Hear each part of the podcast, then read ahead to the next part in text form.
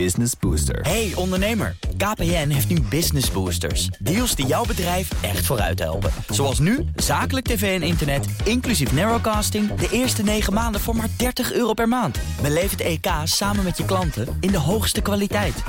Kijk op kpn.com slash businessbooster. Business Booster. Drie over half vijf. Online boodschappen bestellen. Welke Nederlander dat heeft, sinds corona, heeft dat sinds corona nou niet gedaan? Een dikke kans dat je brood, melk bij je is afgeleverd... door een elektrisch wagentje van Picnic. Want de online supermarkt maakte het afgelopen jaar... een flinke groeistuip door. Niet alleen in Nederland overigens, ook buiten de landsgrenzen. Daar gaan we over praten met de CEO, die is hier, Michiel Muller. Welkom. Ja, goedemiddag. Goedemiddag. Eerst even over het nieuws van de dag. Toch ook een werkgever. Amongst other things Zeker, als ondernemer. Hoe kijk je aan tegen de plannen voor de hervorming van de arbeidsmarkt? Nou, heel goed. Hè. Het hele thema, zeg maar, eh, flex minder flex, vast minder vast... is denk ik voor een deel teruggekomen. Is ook nog wel behoorlijk wat onduidelijk. Ja. Een deel gaat ook helemaal niet over ons, hè, want we hebben geen ZZP'ers... dus dat is niet voor ons van toepassing. Maar Ah. ik denk heel goed dat er... Je, je werkt niet met ZZP'ers? Nee, niet met ZZP'ers, niet met grote groepen arbeidsmigranten. doen Nee. we allemaal niet. Vanaf dag één zijn we begonnen met echte contracten. Belangrijkste reden om dat niet te doen? Omdat we mensen uit de buurt willen hebben die meedenken in het proces... en daar ook een baan vinden waarmee ze hun carrière starten. Ja. Ehm, dan, oh, dan meteen maar ook over die arbeidsomstandigheden. We hebben dat ook gedaan. Eh, eind 2018 eh, zijn jullie in het nieuws gekomen vanwege. Ik maak even aanhalingstekens slechte arbeidsomstandigheden. Hoge werkdruk, onveilige werkomgeving. Nou, Ja. eh, wat iets meer zijn. Ja. Wat hebben jullie nou sindsdien gedaan om dat te verbeteren bij jullie?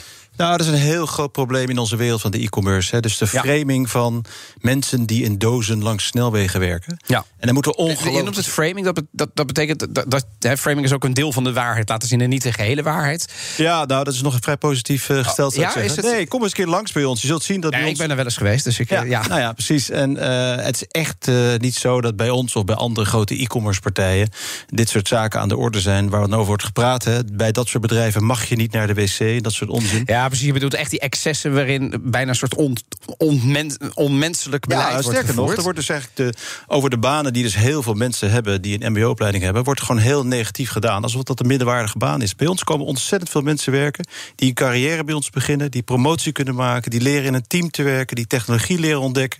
Kom bij ons kijken. Wat is de gemiddelde leeftijd totaal anders. van jouw eh, werknemers? 28. Ja, dat is jong.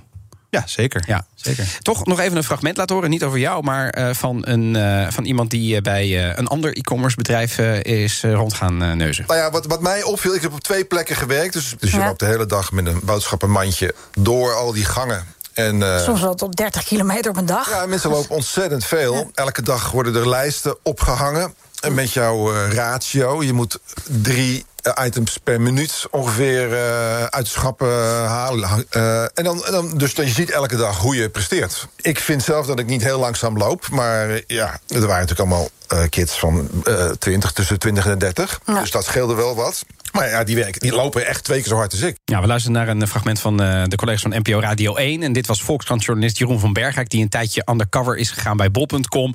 Nou... eh, Er is ook nog een, een pittig boek verschenen van een Duitse journalist... die is toen bij Amazon gaan werken. Ja. en steeds duiken die verhalen dan toch wel weer Ja, op. ja. Ik kan me voorstellen dat voor iemand die eh, echt zijn stinkende best doet... iedere dag om nou, het, het, het, het goede beeld te doen... en daar ook zijn best voor doet, daar ook wel van baalt.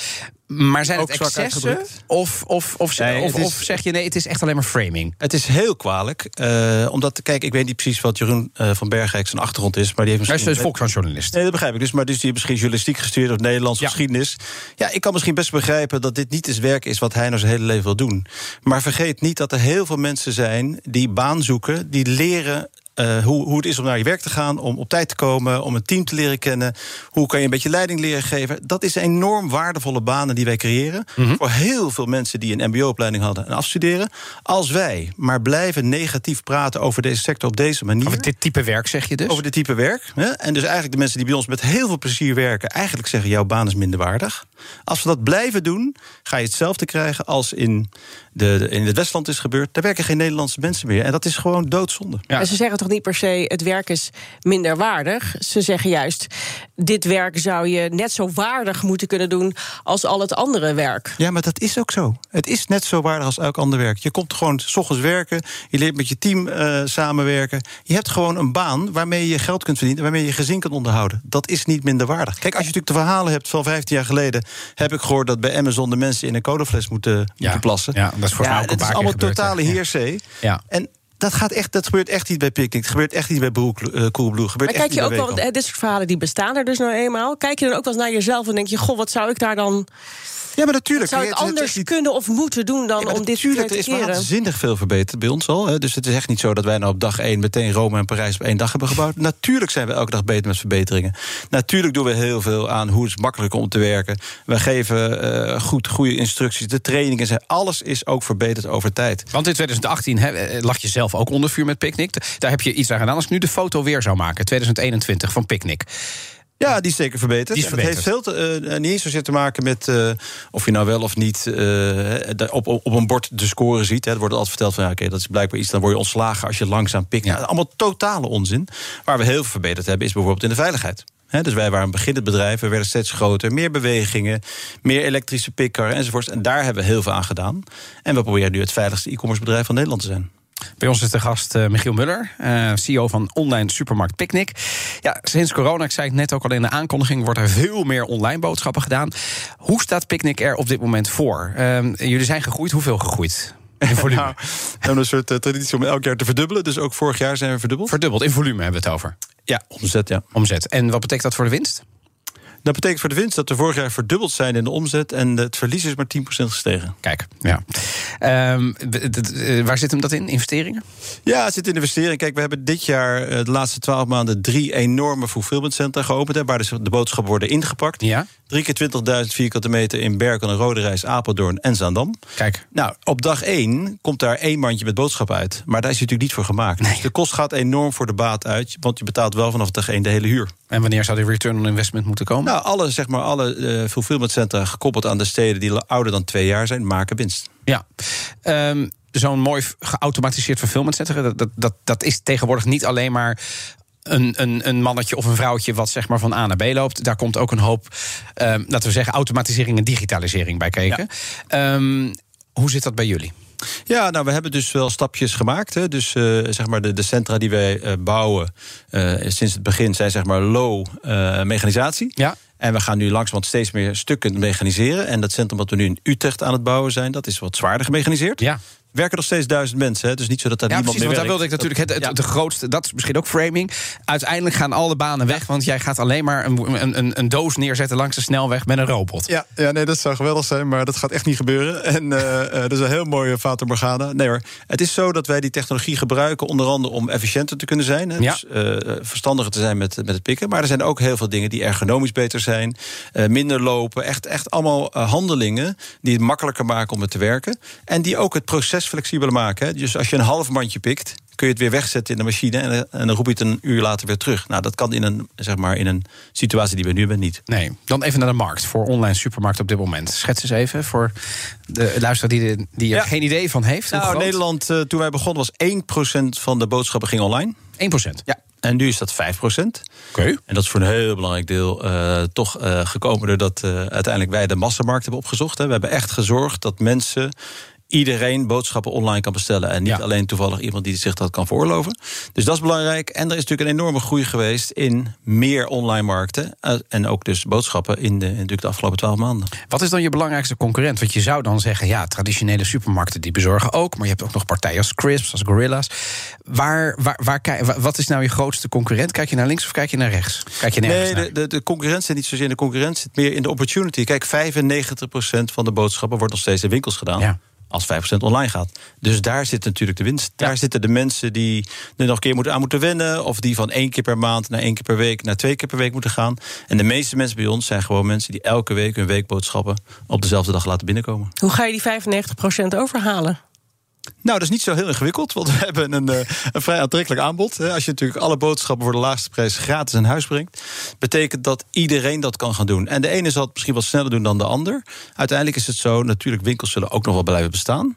Maar het is natuurlijk toch heel fijn als je op zondagavond de bel gaat en je hele week boodschappen komen. Ja, ik geldt zeker denk ik voor hele drukke gezinnen. Maar ik kan me ook voorstellen dat er mensen zijn die denken... oh, even een loopje, Ja, even eruit, even praten met de, met de cashier. Ja, doe, je dat doe je dat zelf ook nog steeds? Ik doe het zelf niet om die reden. Ik doe het dan om boodschappen te halen. Maar nee, maar is het toch geweldig? Maar er is, kijk, de Wacht markt. even, zeg jij nou dat jij jouw boodschappen niet thuis laat bezorgen? Ja, zeker wel. Maar ik ga natuurlijk nog wel eens naar de supermarkt. Ook nog wel eens, ja, Oh, nog wel ja. eens. Ja, als ik wat vergeten ben. Ga ik oh, dat gaat nog eh, wel eens mis. Ja, Oh, natuurlijk. Ja, natuurlijk. Ja, ja, ja. Het is op. Of er komen Maar, vrienden langs, weet je wel. Nee hoor, dat is, kijk, uiteindelijk is zo, die markt voor boodschappen is gigantisch groot. Hè? De markt voor boodschappen is even groot als alle andere consumentenmarkten bij elkaar. Dat is bizar, ja. Dus mode, elektronica, boeken, Dus reizen. wat, van een gemiddeld gezin maandelijks aan boodschappen uitgeeft. 50% van het vrijbesteed bij inkomen gaat naar boodschappen. Precies. En daar wil jij niet 5% van. Hoeveel wil je ervan hebben?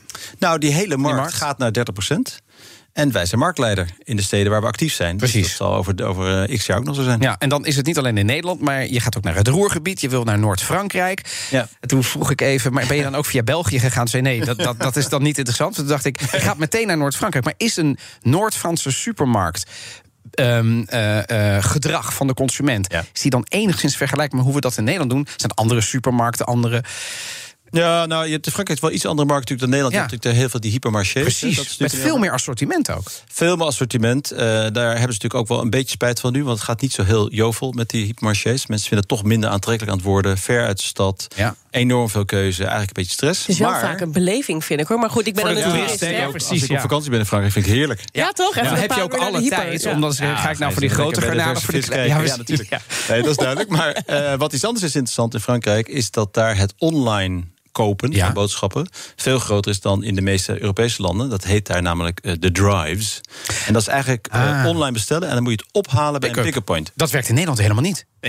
Omdat uiteindelijk zijn de drives in Frankrijk ontstaan... omdat de Franse regering zei... jij mag geen supermarkten meer open, openen. Dus toen hebben ze die, die jongens bedacht... nou, dan moeten we iets anders verzinnen. Nou, Open een drive, dat mag dan wel. Dus het is ontstaan vanuit de industrie... Oh, en niet vanuit de consumentenbehoeften.